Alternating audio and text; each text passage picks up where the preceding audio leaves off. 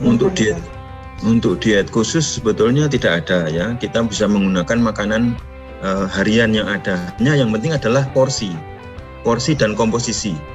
Ya, porsi karbohidratnya harus ya porsi karbohidratnya harus dikurangi ya 40 persen 40 persen gitu ya. Kemudian uh, harus seimbang.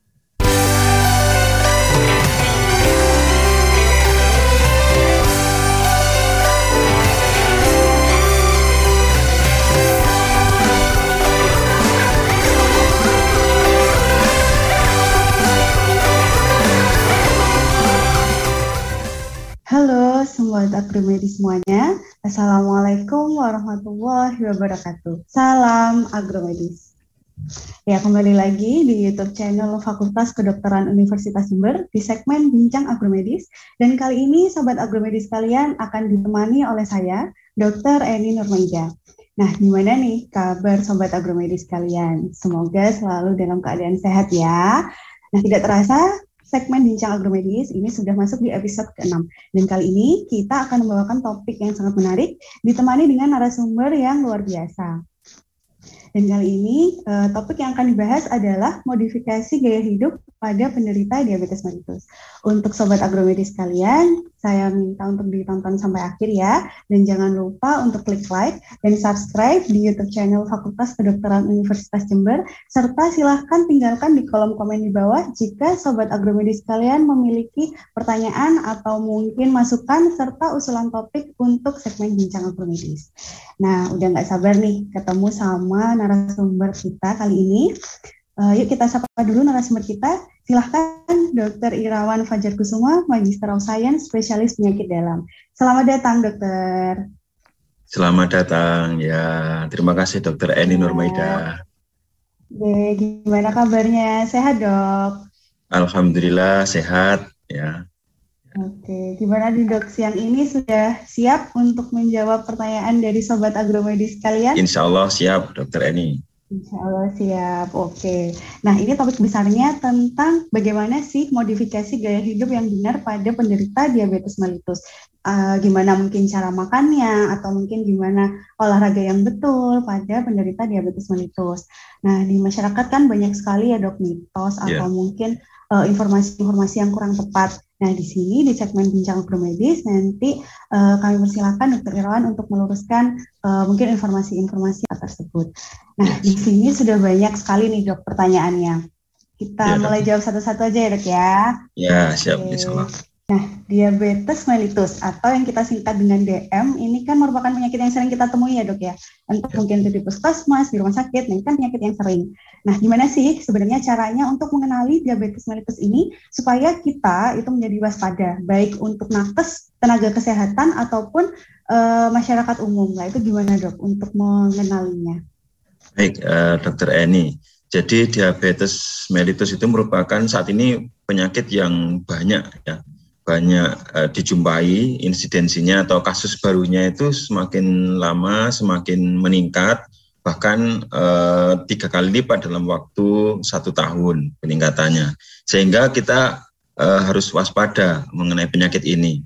Lalu bagaimana kita mengenali penyakit ini ya walaupun sebetulnya penyakit diabetes mellitus itu uh, gejalanya itu uh, yang paling banyak justru asimptomatik alias tidak bergejala tetapi ada beberapa ada sebagian pasien yang uh, dia menderita atau menyandang diabetes dengan gejala-gejala klasik yaitu uh, kita kenal 3P yaitu polidipsi, poliuri, polifagi. Polidipsi itu apa? Yaitu uh, dia apa namanya gampang haus ya, mudah haus gitu ya.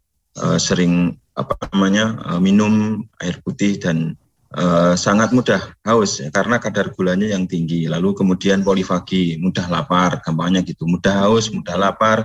Kemudian poliuri, yaitu uh, sering kencing, terutama di malam hari lebih dari tiga kali.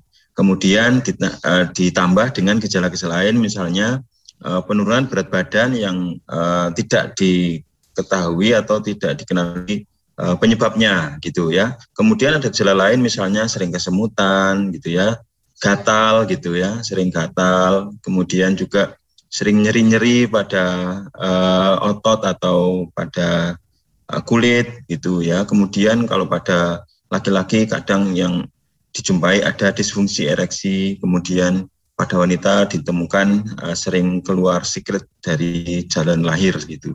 Itu yang tanda-tanda yang kadang ya ya tidak tidak semua di, apa pasien dengan DM bisa ada gejala itu semua tapi ya, kita waspada kalau ada tanda-tanda seperti itu gejala seperti itu maka kita harus waspada apakah itu masuk dalam kriteria diabetes atau tidak gitu dokter Yani.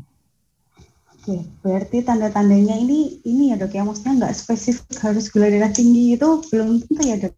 Kalau sudah ada gejala seperti itu ya harus diperiksa ke ke puskesmas atau ke rumah sakit nanti dilihat kadar gulanya gitu.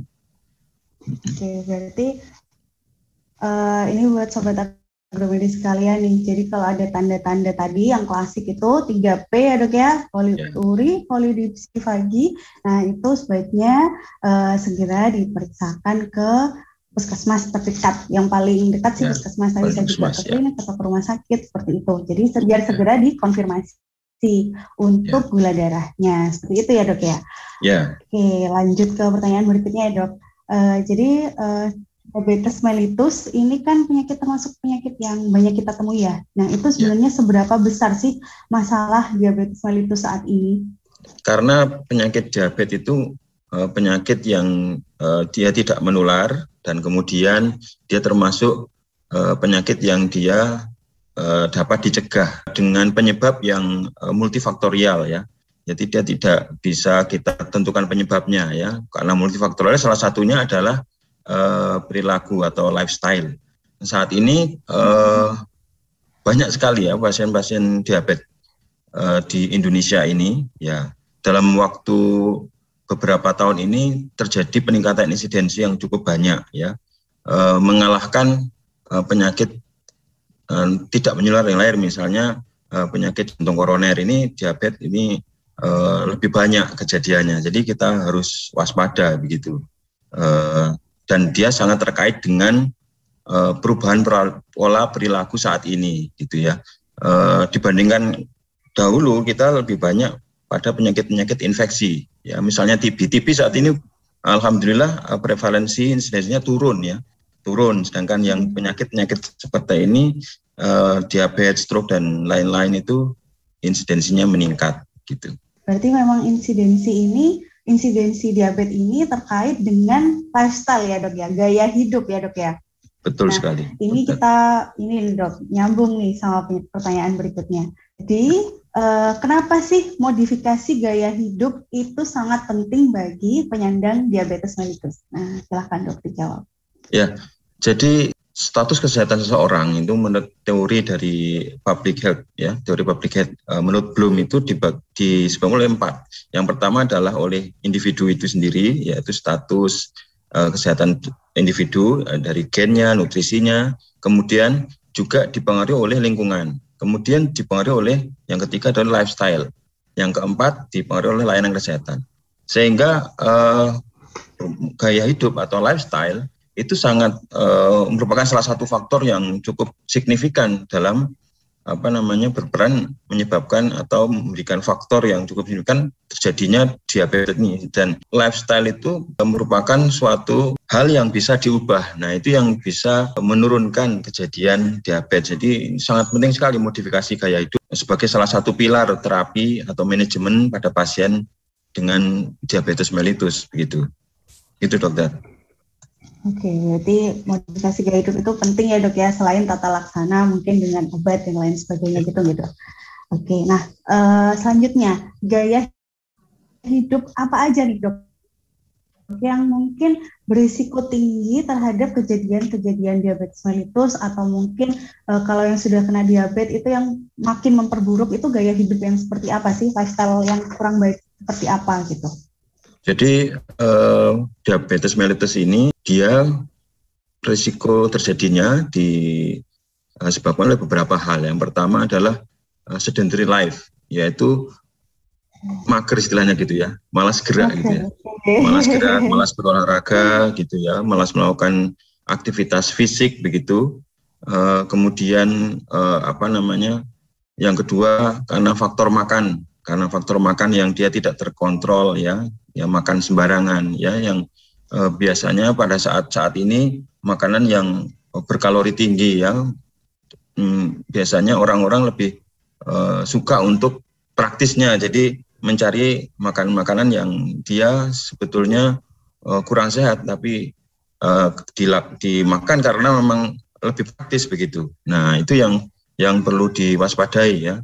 Kemudian selain itu juga karena saat ini kan apa namanya uh, perkembangan uh, saat ini banyak orang-orang yang dia bekerja sampai malam larut malam dan menjadi pola hidup yang tidak teratur itu yang salah satu faktor ya gaya hidup yang uh, saat ini sedang uh, berkembang ya. Jadi itu uh, memberikan kontribusi terjadi peningkatan uh, insidensi dan prevalensi dari uh, diabetes ini, diabetes mellitus ini. Berarti benar ya dok ya, kalau misalkan begadang itu ini dok, bikin salah satu faktor risiko diabetes mellitus gitu ya dok ya? Ya bisa, ya bisa. Karena ya tapi tidak secara langsung ya. Uh, kita tahu bahwa kalau kita makan itu pengosongan lambung itu sekitar ya 2 sampai 5 jam. Taruhlah kita makan jam 7 gitu, makan sore jam 7. Itu jam 9 itu jam 9 jam 10 itu sudah sudah mulai lapar lagi gitu. Tapi kalau orang yang dia begadang maka akan terasa lapar pada saat, saat jam 10 jam 11 gitu ya. Itu lambung mulai kosong gitu ya. Jadi dia akan makan lagi lalu kemudian eh, dia akan meningkatkan kalori padahal eh, diabetes terjadi kalau karena apa namanya kelebihan kalori yang masuk dalam dalam tubuh ya yang yang kalori itu akan menyebabkan dampak-dampak yang kurang bagus. Komplikasi diabetes itu sendiri termasuk eh, luka pada diabetes kemudian eh, gangguan jantung ginjal dan seterusnya itu. Nah itu yang eh, apa perilaku begadang itu. Itu memang salah satu faktor yaitu yang kedua adalah bahwa orang yang begadang itu memiliki uh, resiko untuk terjadi stres ya, jadi stres. Ya hormon stres tadi akan menyebabkan peningkatan kadar uh, glukosa darah juga bisa seperti dari jalurnya lewat apa pengosongan lambung dan juga lewat hormon stres. Berarti ini informasi buat sobat agromedis sekalian ya dok ya, nggak boleh mager gitu ya dok, meskipun ya. uh, sekarang itu zamannya online semua gitu ya dok, ya, semua ya, betul. Uh, bisa dikerjakan dari rumah dengan teknologi yang ada seperti ini lah itu, tapi ya. tetap nggak boleh mager harus disediakan waktu untuk melakukan aktivitas fisik, pola makan yang baik, dan juga nggak boleh begadang gitu ya dok ya. ya betul betul. Oke, Oke secara garis besar uh, gaya hidup yang perlu didorong untuk penyandang DM memiliki kualitas hidup yang baik itu uh, apakah cukup dengan tiga tadi dok atau mungkin ada tambahan lagi?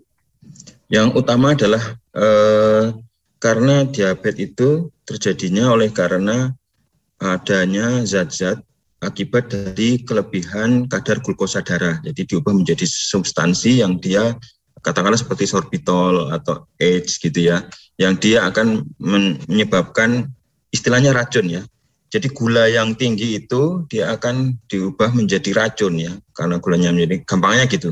Dan dia racun itu merusak ke saraf menjadi neuropati, jadi sering nyeri-nyeri, e, merusak pembuluh darah ya, menjadi pembuluh darahnya tersumbat, Ya, kalau pembuluh darahnya itu di misalnya di ginjal, dia akan menyebabkan kerusakan ginjal. Bahkan banyak yang uh, saat ini bahkan pasien-pasien dengan uh, gangguan ginjal yang dia membutuhkan cuci darah itu uh, salah satu penyebabnya adalah karena diabetes yang lama. Nah, itu adalah uh, itu salah satu contoh. Yang lain juga stroke, ya jantung, ya uh, apa terjadinya penyakit jantung koroner sebabnya karena kadar glukosa yang tinggi. Nah, perilaku-perilaku yang harus kita dorong adalah bagaimana kita eh, apa namanya menurunkan atau mengendalikan kadar glukosa yang yang ada dalam tubuh supaya tidak menjadi tinggi, supaya tidak menjadi racun yang dia bisa merusak berbagai organ dalam tubuh. Yaitu apa saja? Yang pertama tentu saja eh, asupan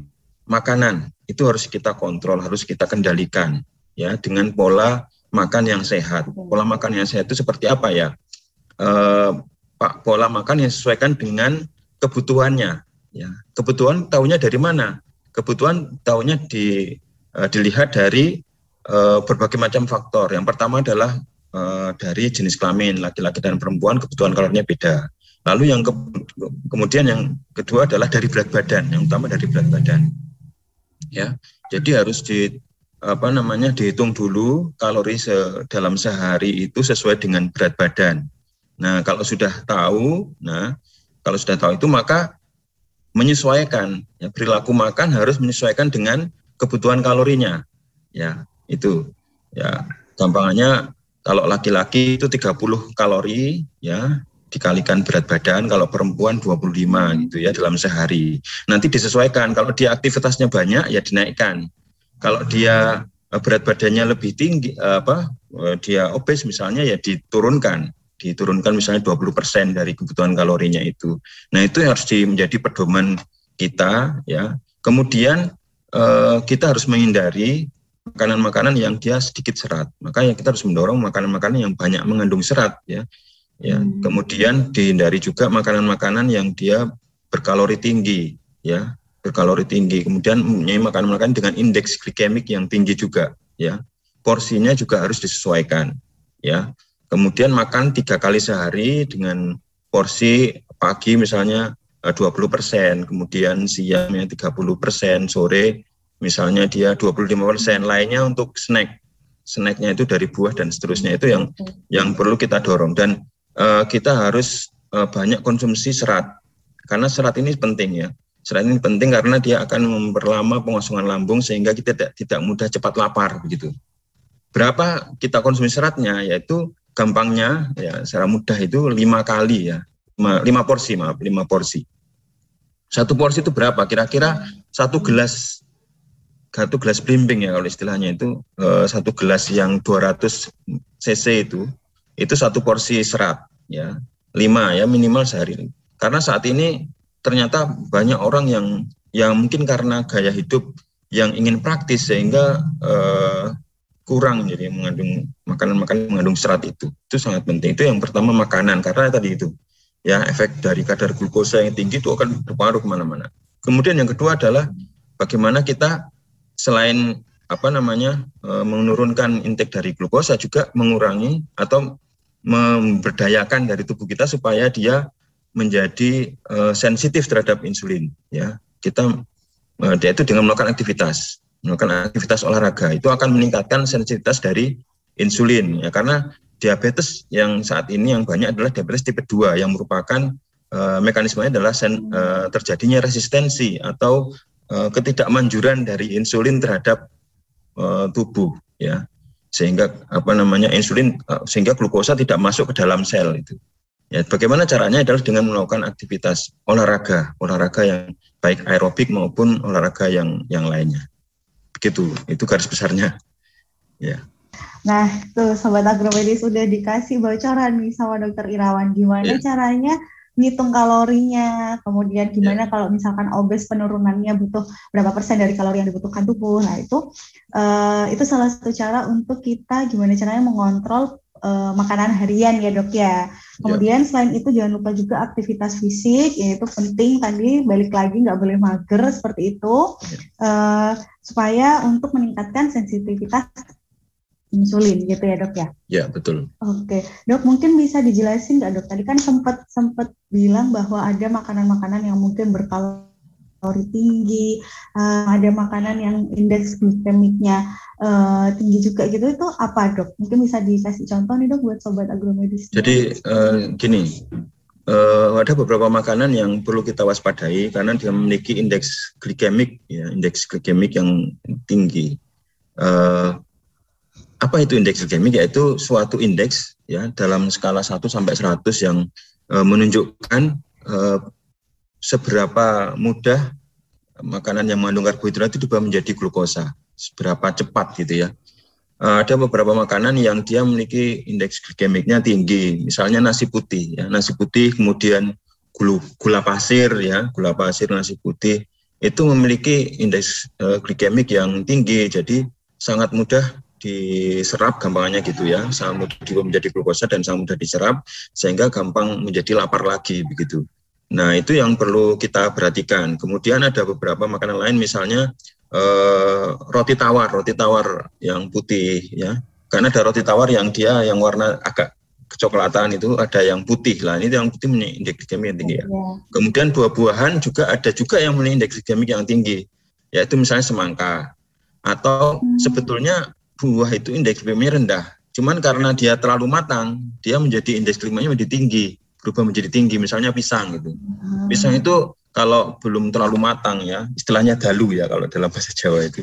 Nah, itu indeks glikemiknya masih uh, rendah, tapi begitu dia menjadi terlalu matang, uh, misalnya menjadi uh, apa terlalu lunak itu, itu indeksnya menjadi tinggi. Jadi makanan-makanan uh, yang seperti itu yang perlu kita uh, hindari, ya.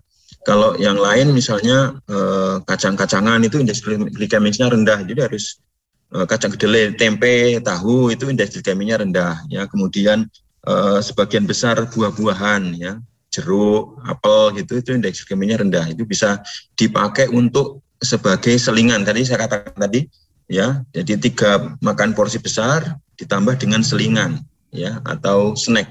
Uh, misalnya jam 7 makan, jam 9 makan uh, apa selingan, kemudian snack, kemudian jam 12 makan, kemudian jam 3 snack, kemudian jam uh, sore jam 18 misalnya makan sore gitu itu bisa menjadi snack. Kemudian pisang ya dari pisang.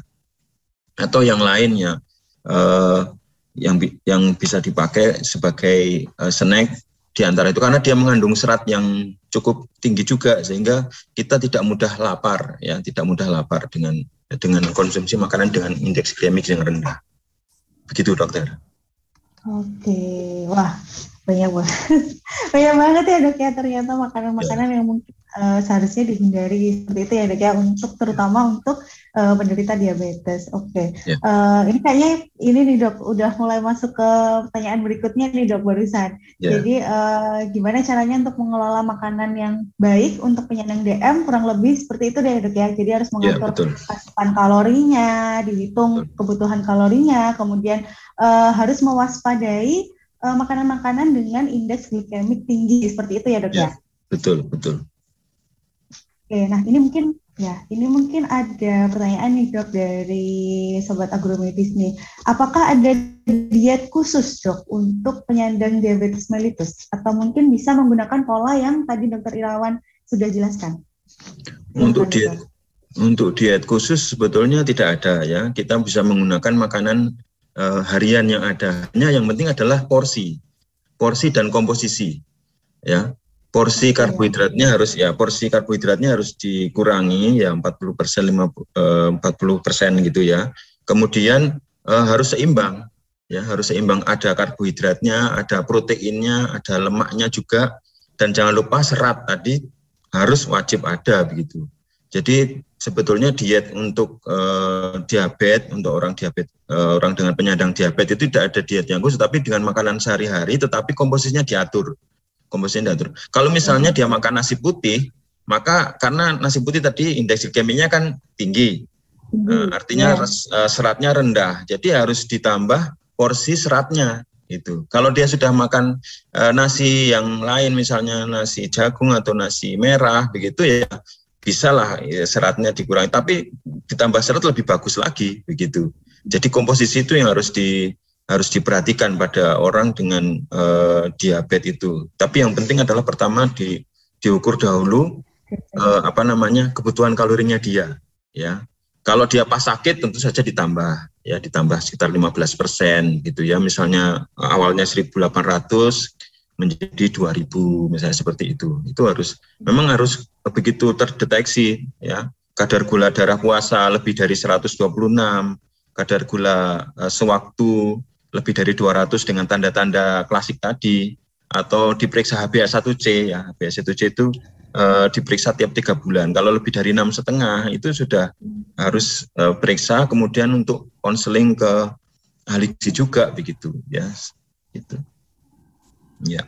Oke, berarti harus tepat komposisi dan tempat tepat jenis gitu ya dok ya untuk sekali, ya. penderita diabetes ini. Oke, nah dok kadang tuh ada mitos nih dok yang berkembang di masyarakat. Jadi Baik. ada kalau misalkan uh, orang dengan diabetes itu nggak boleh makan nasi panas, nasinya itu harus didinginkan dulu lah. Itu gimana dok? Hmm. Benar apa enggak dok kira-kira? Ada betulnya dan dan ada yang sisi salahnya. Jadi begitu. Okay, uh, jadi begini, dok. kalau nasi orang sebagian ada yang mengatakan bahwa nasi yang dingin itu memiliki indeks glikemik yang lebih rendah dibandingkan nasi yang panas. Artinya uh, dia mudah sekali diserap nasi yang panas itu dan mudah sekali setelah makan nasi yang panas dia cepat lapar begitu. Memang ada betulnya seperti itu. Tetapi yang perlu diingat bahwa uh, apa namanya selain indeks glikemik bahwa yang perlu diperhatikan pada pasien-pasien diabetes adalah porsi makan gitu ya. Kalau dia makan nasi yang dingin tetapi banyak ya ya sama saja dengan uh, orang yang dia makan nasi uh, panas walaupun sedikit. Ya memang ada betulnya ya, sebagian ada yang melakukan penelitian bahwa uh, nasi yang panas itu memiliki indeks glikemik yang lebih uh, tinggi dibandingkan dengan nasi yang dingin gitu ya. ya jadi itu uh, tapi berarti ada dua, indeks glikemik dan porsi jumlahnya, jumlah uh, jumlah nasinya itu ya. Saya pikir malah justru yang perlu kita perhatikan adalah porsi dari makannya itu, porsi dari nasinya itu. Kalau sudah makan nasi, ya jangan lagi ada ada apa namanya, ada sayurnya dari mie, ada sudah makan nasi, kemudian makan apa mie instan. Kadang kan kita sering mencampur ya nasi, ya kemudian ada mie lagi uh, induk apa maaf ada dari mie ya, goreng misalnya gitu pakai mie. masih ya. pakai mie gitu kemudian lauknya omelet ya pakai mie lagi. Ya, gitu. Itu yang perlu dihindari adalah jumlahnya. Ya jumlah dari uh, jumlah atau porsi dari karbohidratnya. Jadi tetap banget kembali lagi ke konsepnya yaitu ya. tepat porsinya tadi komposisi dan jenisnya gitu ya dok. Ya. Nah ini kadang ada juga nih dok di masyarakat itu gini, kalau misalkan sudah kena gula itu nggak boleh makan gula. Lah itu gimana dok? Kadang kan kita uh, tetap butuh ya asupan gula seperti itu. Tapi kadang kalau orang-orang itu kalau sudah kena gula udah nggak mau sama sekali dengan yang namanya gula lah itu uh, kira-kira oh. gimana dokter? Jadi uh, itu ya salah ya anggapan yang salah. Jadi orang yang uh, kena diabetes itu tidak ada larangan untuk untuk mengkonsumsi gula gula pasir ya maksudnya ya.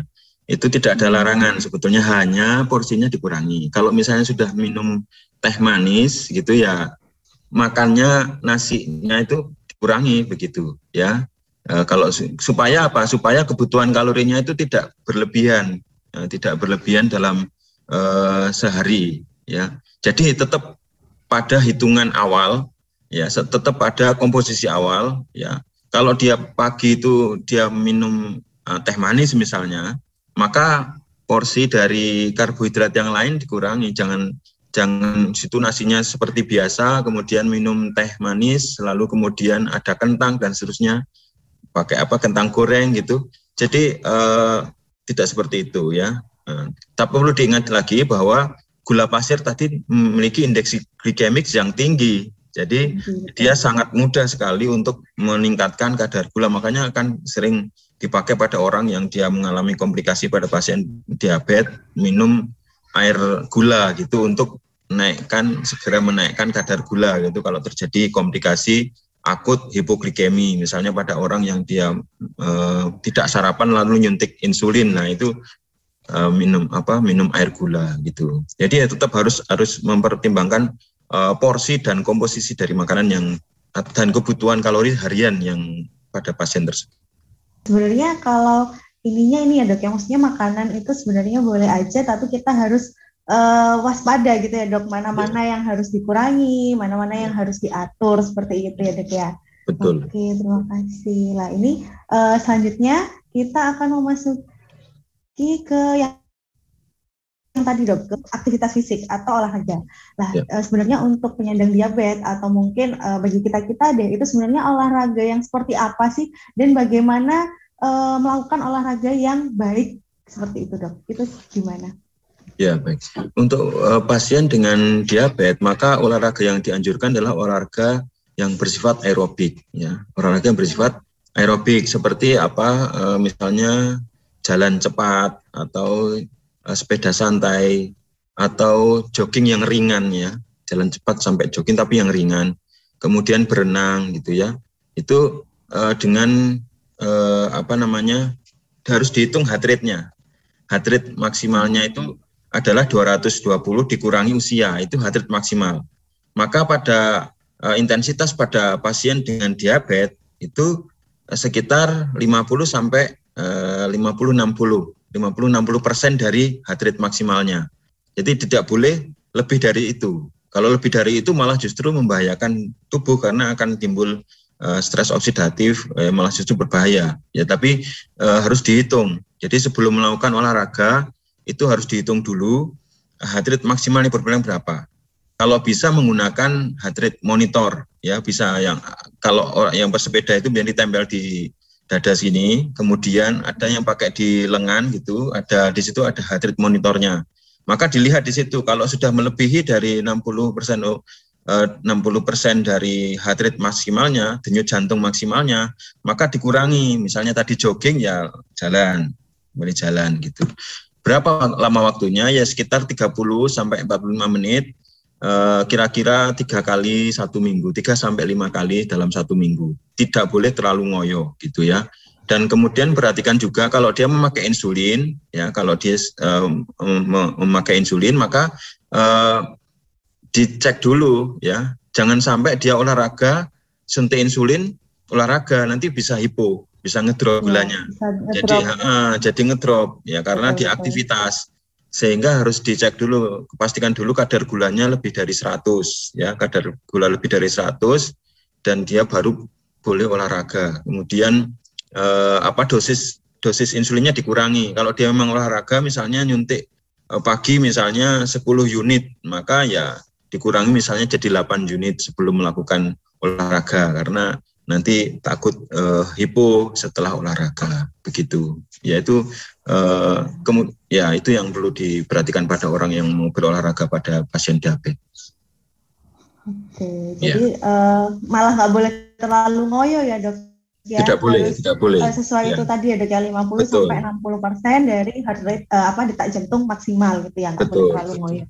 Ya. Oke, oke malah kan sering kadang itu uh, ah pokoknya itu nggak apa-apa. Kadang itu orang gini dok, nggak uh, apa-apa makan ngejos, yang penting kalau nggak ngejos lah itu uh, kurang tepat ya dok ya berarti ya, tidak, ya, tetap harus dijaga makannya tapi ya. juga tetap aktivitas fisik yang tidak boleh sampai ngoyo gitu ya dok ya berarti betul dok? betul sekali betul sekali ya okay. ya Terima kasih dok. Uh, dok, uh, boleh ya dok sedikit jawab mitos-mitos yang mungkin berkembang di masyarakat ya? Oh iya, boleh, boleh, boleh dokter. Oke, okay. oke. Okay. Uh, ini ada beberapa nih dok pertanyaan dari sobat agromedis. Jadi, uh, apa benar sih dok ada diabetes basah sama diabetes kering? Itu Oh iya. Dok. Atau mungkin, yeah. Iya. uh, uh, atau mungkin pembagian diabetes sebenarnya seperti apa sih? Ya, betul. Uh, jadi diabetes itu uh, tidak ada diabetes basah dan kering ya diabetes itu dibagi menjadi diabetes tipe 1 yaitu yang e, merupakan kelainan pada sel atau organ penghasil insulin, kemudian diabetes tipe 2 yaitu yang tadi saya singgung merupakan salah satu e, apa mekanisme dari resistensi insulin.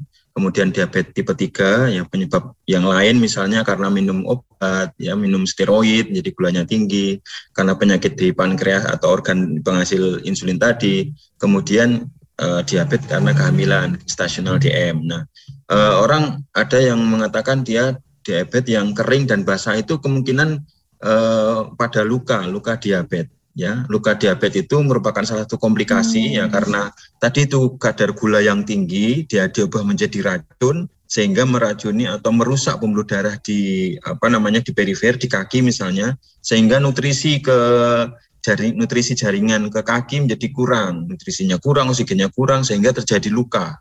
Nah, luka itu yang ya, kalau dia ada infeksi ya, ada kan mudah jadi bakteri berkembang di situ apalagi pasien dengan diabetes itu status imunnya rendah. Jadi menjadi uh, infeksi di situ kemudian ada nanahnya jadi basah ya. Kalau tidak ada hmm ada infeksinya menjadi kering. Nah itu uh, sebetulnya tidak ada pembagian seperti itu. Itu uh, pembagian diabetes berdasarkan jika ada ada ulkus atau luka diabetes ya. atau koreng diabetes. Nah itu. Oke, makasih dokter. Nah, selanjutnya dok, uh, ada kan orang itu yang dia itu takut takut untuk periksa ke dokter karena nanti kalau udah ke dokter terus diketahui bahwa gula darahnya tinggi, uh, kemudian diagnosis diabetes lah itu uh, dia itu merasa takut dok kalau harus minum obat setiap hari. Dia itu takut kalau malah berefek ke ginjal gitu dok, malah nanti malah jadi gagal ginjal dan sebagainya. Lah itu gimana dokter Irawan? Oh, Jadi uh, orang yang dia dengan diabetes itu justru harus mengkonsumsi obat yang dia untuk menurunkan kadar gula. Seperti tadi saya bilang, kadar gula yang tinggi ya diubah menjadi racun. Racun itu akan merusak salah satunya ginjal, ya. Nah, supaya kadar gulanya tidak tinggi dan tidak berubah menjadi racun tadi, harus mengkonsumsi obat, ya. Salah satunya adalah mengkonsumsi obat. Nah, justru yang menyebabkan kerusakan ginjal itu adalah karena kadar gula di darah yang tinggi dan tidak diterapi ya dalam jangka waktu yang lama.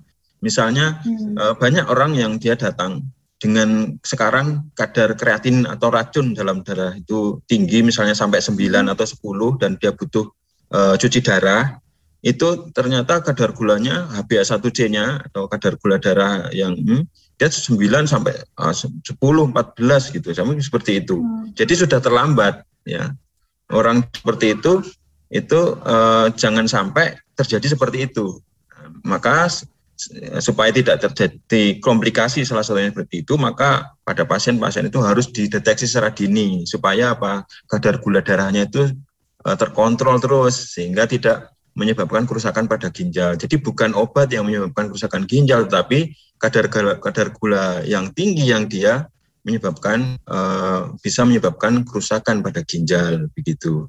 Ya, jadi ya, tidak perlu takut ya segera diperiksa ke rumah sakit supaya dapat diketahui secara dini ya dan diberikan obat-obatan sesuai dengan kondisi dari masing-masing pasien gitu. Oh, pesan untuk sobat agromedis kalian ya, jangan ya. takut, nggak usah takut karena obat diabetes itu uh, malah membantu mengontrol supaya nanti gula darahnya nggak jadi tinggi sehingga malah nggak uh, jadi berefek ke ginjalnya seperti itu. Ya. Nah ini ada juga nih dok uh, mitos yang uh, lucu juga nih. Jadi ya. ada yang namanya itu daun insulin dok. Daun insulin oh, ya. ini malah uh, orang bilang itu dia bisa sebagai pengganti insulin. Oh. Gitu dok. Pendapatnya ya. dokter Irawan gimana dok? Okay. Ya, jadi ada memang uh, saya pernah menemui ada pasien seperti itu, ya pasien kontrol ya dia datang ke rumah sakit begitu eh, kontrol gula iya gitu ya. Kemudian eh, saya tanya ya karena kadar gulanya waktu itu agak tinggi. Insulinnya yang dipakai berapa biasanya? Uh, uh, saya tanya dulu dia konsumsi insulin atau tidak gitu. Iya saya pakai konsulin uh, pakai insulin gitu. Lalu yeah. uh, saya tanya dosisnya berapa? Oh saya pakai daun insulin itu ya. Jadi uh, daun insulin entah itu apa ya, tapi tidak bisa sebagai pengganti insulin ya. E, banyak orang yang dia datang dengan kadar gula yang tidak terkontrol karena dia yakin bahwa e, dengan daun insulin itu e, akan menurunkan kadar gulanya. Jadi penamaan seperti itu sebetulnya penamaan yang tidak benar karena itu akan membuat masyarakat sudah cukup saya pakai daun insulin saja saya tidak perlu pakai insulin begitu.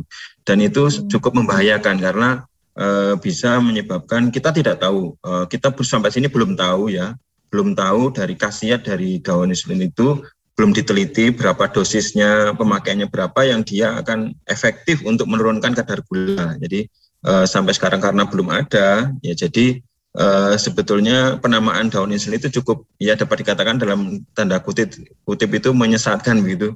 Ya karena belum ada penelitian. Kalau jika sudah ada penelitian itu bisa ya. Kalau sudah ada penelitian yang mengatakan bahwa itu efektif untuk menurunkan kadar uh, kadar glukosa darah maka itu bisa dipakai. Iya, begitu. Oke, berarti ya. nggak boleh ya dok ya untuk daun insulin ya dok ya. Iya. Oke. Uh, kemudian dok terkait dengan genetik. Uh, ini kan banyak juga beredar kalau misalkan uh, orang tuanya DM itu pasti nanti anaknya DM juga. Nah itu uh, benar apa enggak? Terus kalau mungkin iya, gimana dok cara mungkin mencegahnya supaya enggak sampai si keturunan berikutnya itu sampai terjadi diabetes gitu dok. Ya, baik.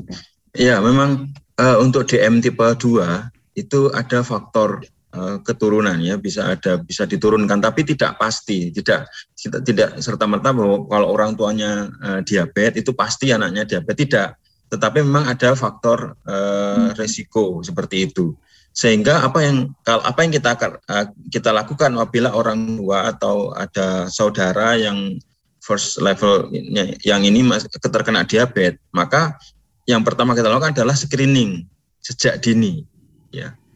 Nah, jadi screening sejak dini itu dilakukan yaitu cek uh, kadar glu, kadar glukosa HbA1c ya uh, itu uh, setiap minimal ya enam bulan atau satu tahun begitu ya.